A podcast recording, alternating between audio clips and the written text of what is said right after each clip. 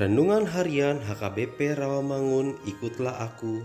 Senin 2 Agustus 2021 dengan tema Kesenangan yang sia-sia.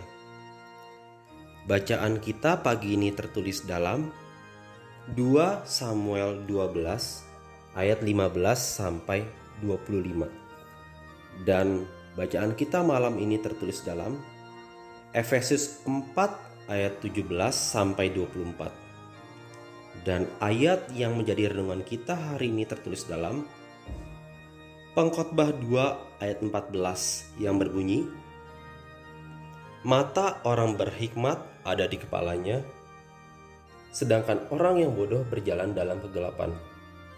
Tetapi aku tahu juga bahwa nasib yang sama menimpa mereka semua.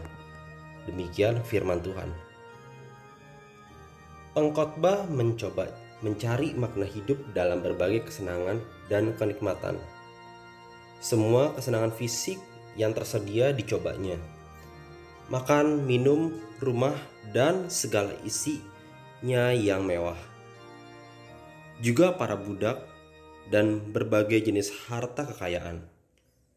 Ia juga menyediakan berbagai hiburan seni dalam rumah mewahnya itu. Akhirnya, ia hanya bisa berdesah.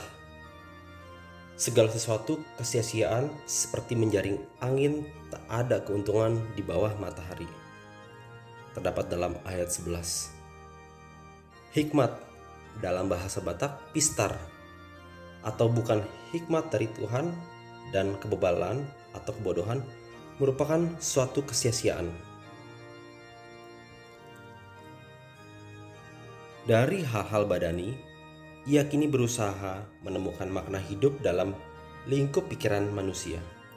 Terdapat dalam ayat 12. Penulis kitab ini membuat perbandingan antara hikmat dengan kebodohan dan mengetahui bahwa hikmat mempunyai kegunaan tertentu, yaitu menjauhkan orang dari penderitaan yang tidak perlu. Tetapi keuntungan itu hanya sementara karena baik orang berhikmat maupun orang bodoh akan mati dan dilupakan. Orang pintar seperti orang yang berjalan dengan mata celik.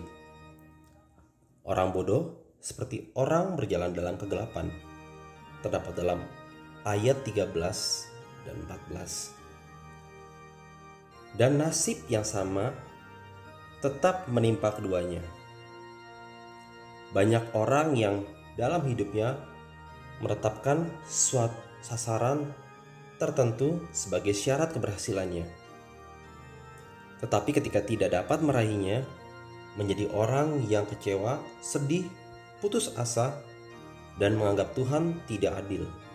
Sebaliknya, ada beberapa orang yang mampu menikmati hidupnya meskipun ia tidak sukses. Bagaimana dengan kita? Orang yang dapat menikmati hidup ini adalah orang yang mampu bersyukur dan menerima segala anugerah yang Tuhan berikan kepadanya. Marilah kita berdoa.